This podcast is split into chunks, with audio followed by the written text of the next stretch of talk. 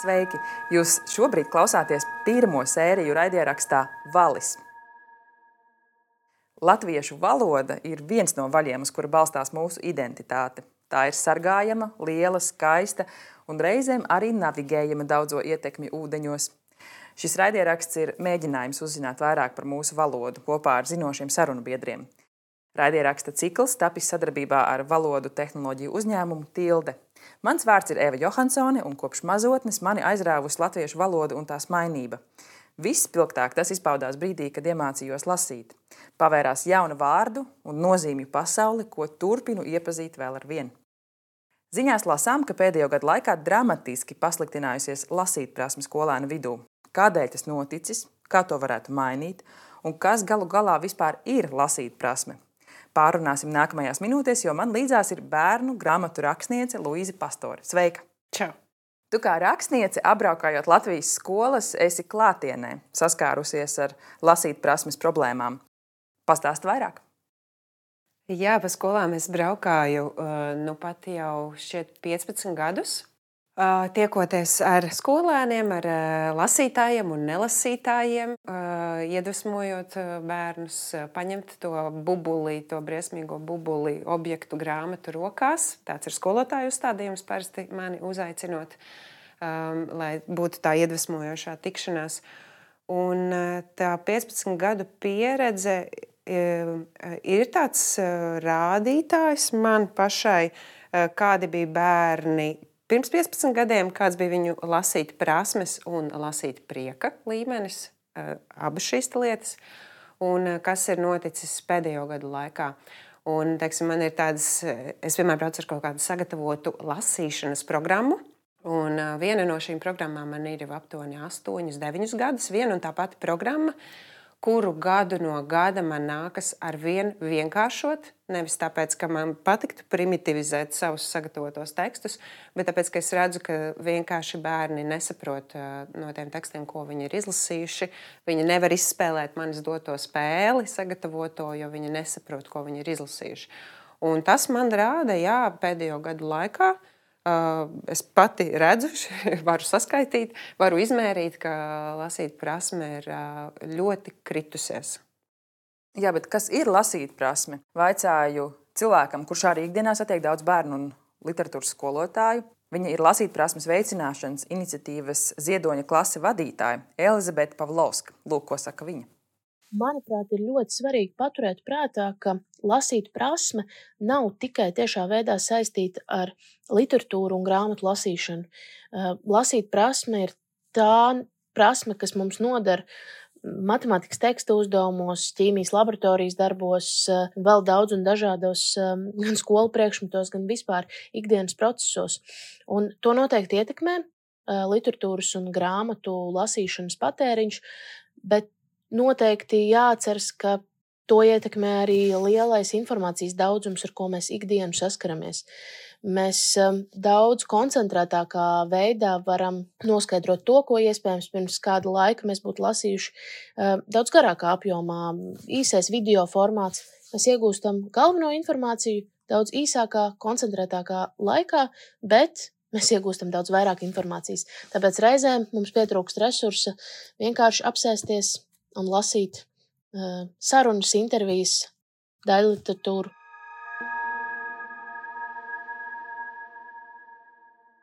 Kā tev šķiet, Lūija, kādēļ mēs esam nonākuši šajā situācijā? Elizabete minēja to, ka varbūt ir pārāk daudz visa, bet kāds ir tavs domas? Jā, es Elizabetei droši vien liecos piekrist, ka ir šī te, nepacietība. Ļoti gan mums, pieaugušajiem, raksturīgi. Nu, sāksim kaut vai ar sevi. Es droši vien esmu jau visiem apnikusi ar to, ka es visiem uzmācos ar to, ka vajadzētu iemācīties garlaikoties. Mēs neesam pietiekami pacietīgi, lai darītu neko. Lai iemācītu sev, kā sabiedriskā transportā, mēs varētu lūkoties ārā pa logu vai nodoties vērojumam, cilvēku ainavas, uh, sastapties ar acu skatieniem, ar citu cilvēku, lasīt citus cilvēkus, eh, lasīt savas domas, paskatīties, kas notiek, kad mēs ļaujam tām vienkārši plūst. Un, ja mēs pieaugušie rādām, kā piemēru, ka mūsu rociņi vienmēr pastiepsies pirmkārt pēc tā telefona, nevis arī piemēram pēc grāmatas, sabiedriskajā transportā vai ārsta uzgaidāmajā telpā vai lidmašīnā, tad mēs nevaram prasīt, ka bērns, viņam nav šī piemēra. Bērniem nav piemēra, ka mēs pieaugušie mācētu darīt neko un, un spēt koncentrēties uz neko. Man liekas, ka tas ir sākums. Vērojums ir labs sākums, lai vispār veidotos lasīt prasme. Jo mazs bērns, kamēr viņam vēl tas telefons nav iebāzts rociņā, mēs ejam ar viņu pastaigāties, mēs kopā vērojam dabu. Mēs vērojam arhitektūru, mēs vērojam mašīnu ritmu, pasauli, tā ir daļa no lasītprasmes. Vērojums ir daļa no lasītprasmes. Pirmie burti, kas parādās bērnam, teiksim, veikala uzraksti, ne, viņš sāk veidot kaut kādas sakarības. Vizuālā uztvere arī ir daļa no lasīt prasmes, un šī, šī radošā domāšana tā ir liela daļa no tā. Un, protams, ka mūsu uzmanību nomāca nepārtrauktie pīkstieni, un zvani un vibrācijas no telefoniem. Protams, tā ir viena lieta. Es tā pieļauju. Uh, otra lieta, iespējams, uh, mēs neesam pamanījuši, ka ar bērniem būtu šobrīd jāstrādā atšķirīgā veidā, nekā mēs to darījām vēl varbūt piecus gadus atpakaļ. Uh, Tātad mēs nevaram noliegt, ka bērnu uzmanība ir mainījusies. Viņi spēj koncentrēties īsāku laiku periodu, viņi mācās savādāk. Mēs to vairs nevaram noliegt. Un ir jāpielāgojas šai jaunajai situācijai un jāspēj rast risinājumu, kā mācīties savādāk. Kā mācīt, lasīt savādāk, un pēc tam ar šo lasīšanu, kā mācīties tālāk, citā veidā. Un tas, ko es pieredzu, tā mana privātā pieredze ir aizbraucot uz skolām. Es redzu, cik ļoti bērniem patīk mācīties rotaļājoties. Jo viņi tomēr, nu, tās pirmās klasītes, jo sevišķi viņš tomēr tikko no bērnu dārza iznācis, kur viņš ir pieredzējis rotaļāties un pasauli apgūt spēles veidā. Un piepeši viņam liek sēdēt pa 40 minūtēm, vismaz 5 stundas mācības stundas dienā. Un, un arī vēlākajās klasēs, ja tu piedāvā bērnam kustību, ar kustības palīdzību kaut ko apgūt. Viņš ir pārsteigts, ka arī tā var mācīties. Līdz ar to, un arī sevišķi zēniem, tā tomēr ir. Es, es to pieredzu, ka zēnam ļoti labi patīk, ja tu viņam dod kādu kustīgu uzdevumu, kurā varbūt ir arī lasīt, nu, ja nevis varbūt, bet šajā gadījumā ir lasīt prasmes elementi.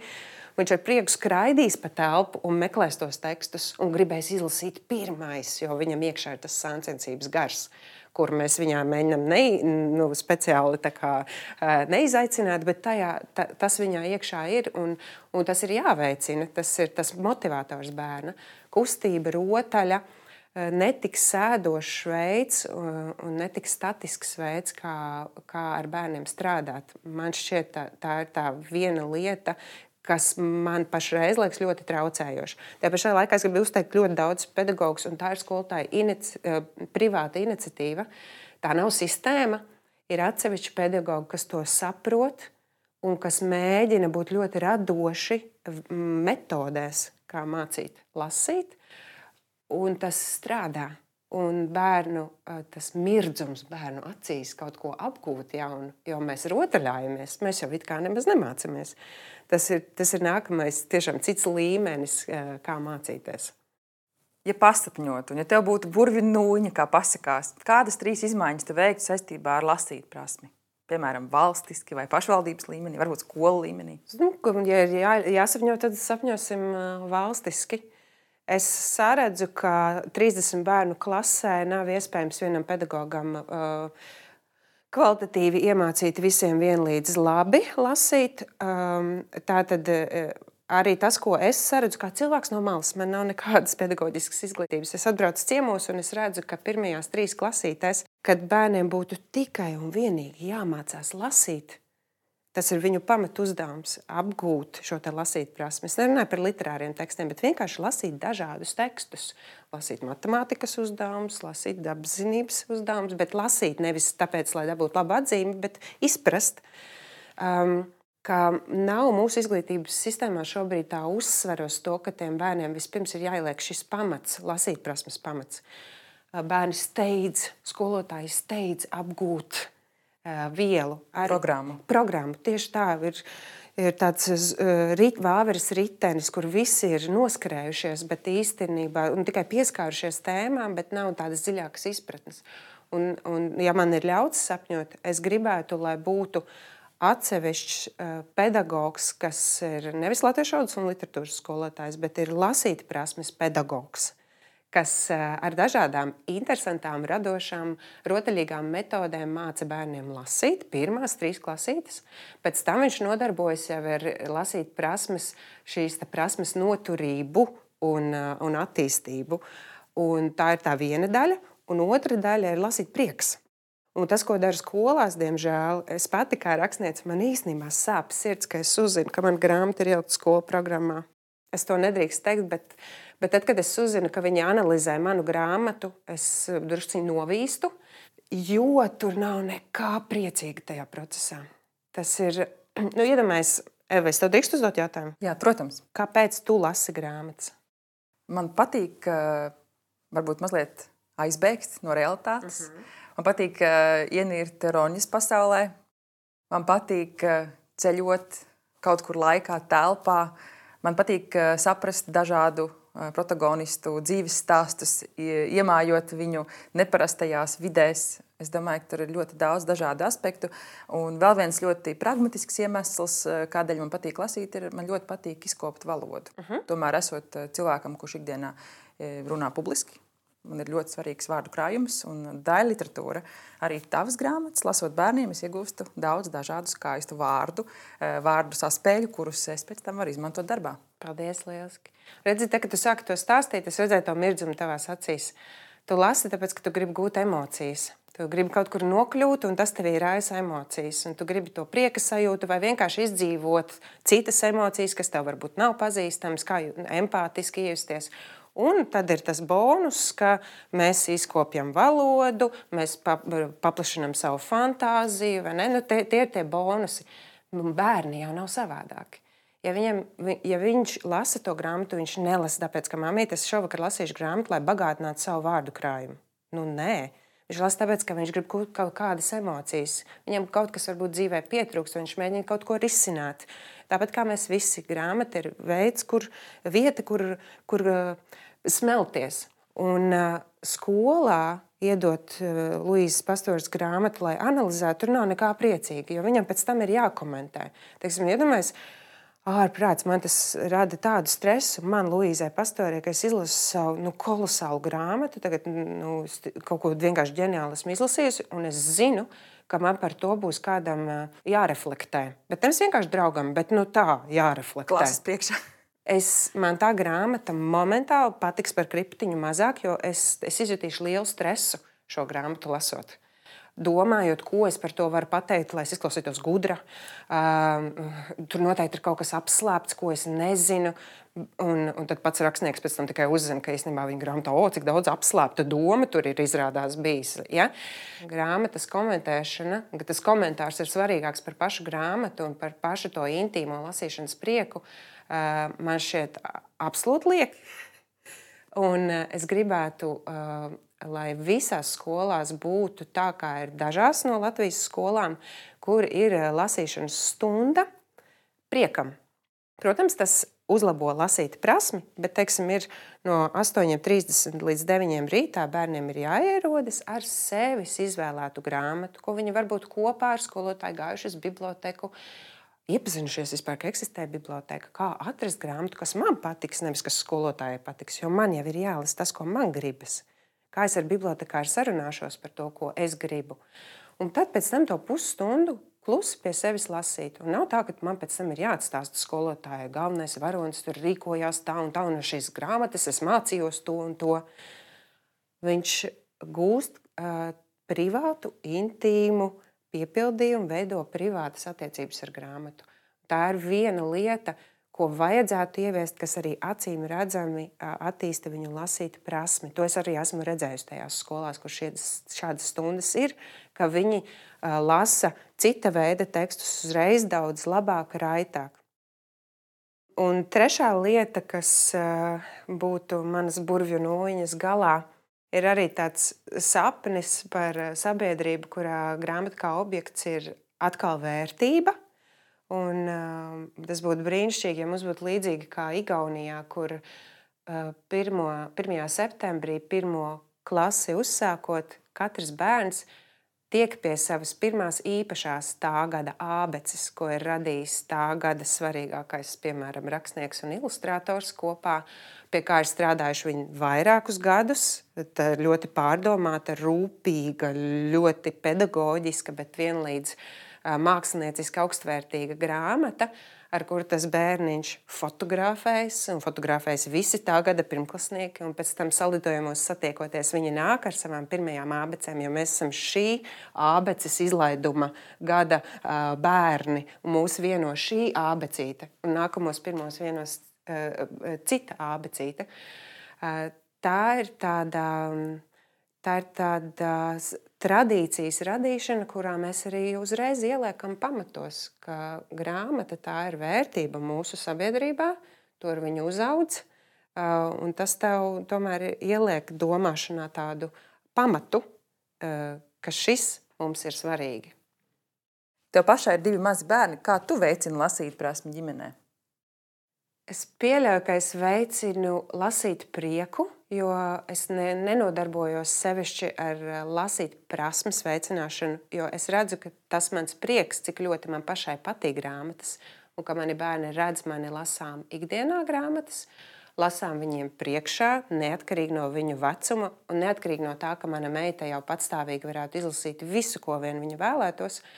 Es turpināšu viņai lasīt priekšā, cik ilgi vien spēšu, ne tikai emocionālās saiknes dēļ, bet tiešām, lai parādītu to, ka tas ir vērtīgi un tas ir svarīgi. Un, uh, un šī tradīcija lasīt mājās, uh, viņiem ir parādījusi, cik tie burti, kas tur tajā grāmatā, tomēr ir būtiski. Un uh, vienam no maniem bērniem šobrīd ir pieci gadi, un viņš arī lasa jau visai raiti. Uh, Eh, tādēļ, ka viņš apzinās, ka tur kaut kas svarīgs tajā visā ir, ja reiz mūsu ģimenē tas ir svarīgs. Un uh, vēl viena lieta, atkal atgriežoties pie garlaicības, es ļauju saviem bērniem ļoti nogarlaikoties, uh, kur vien ir iespējams. Ja mani bērni nezina, kas ir planšete vai telefons vai tiktoks, vai uh, viņi ne, neprot pašu mūtenītes uzlikt, uh, Jo garos pārbraucienos mēs vai nu skatāmies ārā pa logu un plēpājam, un kad vairs nevar izturēt, tad lasām grāmatas, un tad atkal skatāmies pa logu un plēpājam. Vai tu atceries savu pirmo izlasīto grāmatu? Šo nav iespējams atcerēties, ja tu esi uzaudzis lasošā ģimenē. Man šķiet, ka tā ir tāda norma, tā kā pajautāt, vai tu atceries savu pirmo siermaizīti. Jo, nu, vai tu atceries pirmo reizi, kad saule uzleca?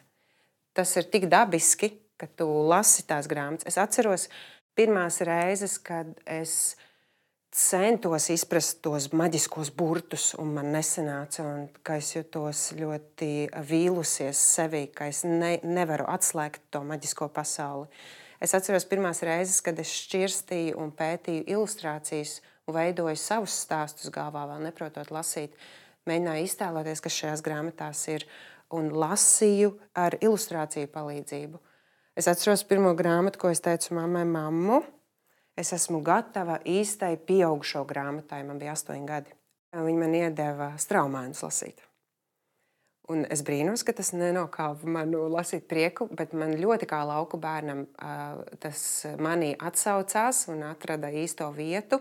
Visi tie garie teikumi un dabas apraksti un ainavas ļoti brīnišķīgi. Uh, un es biju gatava lasīt vēl un vēl un vēl. Un tad ir ļoti daudz šīs uh, grāmatas, kas tev atstāja to dzīvi izmainošo sajūtu pirms šīs grāmatas un pēc šīs grāmatas, bet tādu grāmatu nav daudz. Un es domāju, ka mēs visu dzīvi lasām, lai atrastu tādas satikšanās ar grāmatu. Un tādēļ es arī saprotu, ka Mana, mana draudzene Dārsa Krecera Vula organizēja Siguldas bērnu un jauniešu literatūras festivālu un apjautāja novada bērnus, kāpēc viņiem patīk lasīt vai kāpēc viņiem negribas lasīt grāmatas. Šeit par daļu literatūru ir runa. Un daudz bērni atbildēja, lielākais vairums, ka nepatīk lasīt tam dēļ, ka tas ir garlaicīgi. Un no šī nevajag baidīties. Tas nozīmē, ka bērns nav sastapies ar to grāmatu, pēc kuras tu saproti, ka ir iespējams, ir iespējams satikties ar savu eh, otro pusīti tajā grāmatas pasaulē. Paldies! Un, ja tev būtu jāizvēlas šīs nedēļas vārds, kāds tas būtu? Es laikam uh, ņemšu palīdzību bērnus, ar kuriem es šonadēļ esmu sastapusies skolās un uh, savās nodarbībās. Arī dzēnes viņiem rādu ilustrāciju, un blakus nolieku trīs uh, gan sarežģītus vārdus, kuri ir jāievīja stāstījumā par šo ilustrāciju. Un uh, bērni nesaprata, ko nozīmē vārds atsvabināt. Un tad mēs daudz runājām par eh, sinonīmiem šī vārda. Un, eh, un viņiem atklājās pilnīgi jauna pasaule. Viņi tik ilgi muļāja šo vārdu mutē un, un garšoja un izbaudīja atsvabināt, atsvabināt. Viņi izgāja no manas nodarbības atsvabināti. Tāpēc eh, vārds būs atsvabināt. Paldies par tavu laiku pievienoties raidierakstam Valis. Atsvabinu arī tevi no šīs sarunas. Ceru, ka jums, klausītāji, patika un turpināsiet klausīties nākamās sarunas.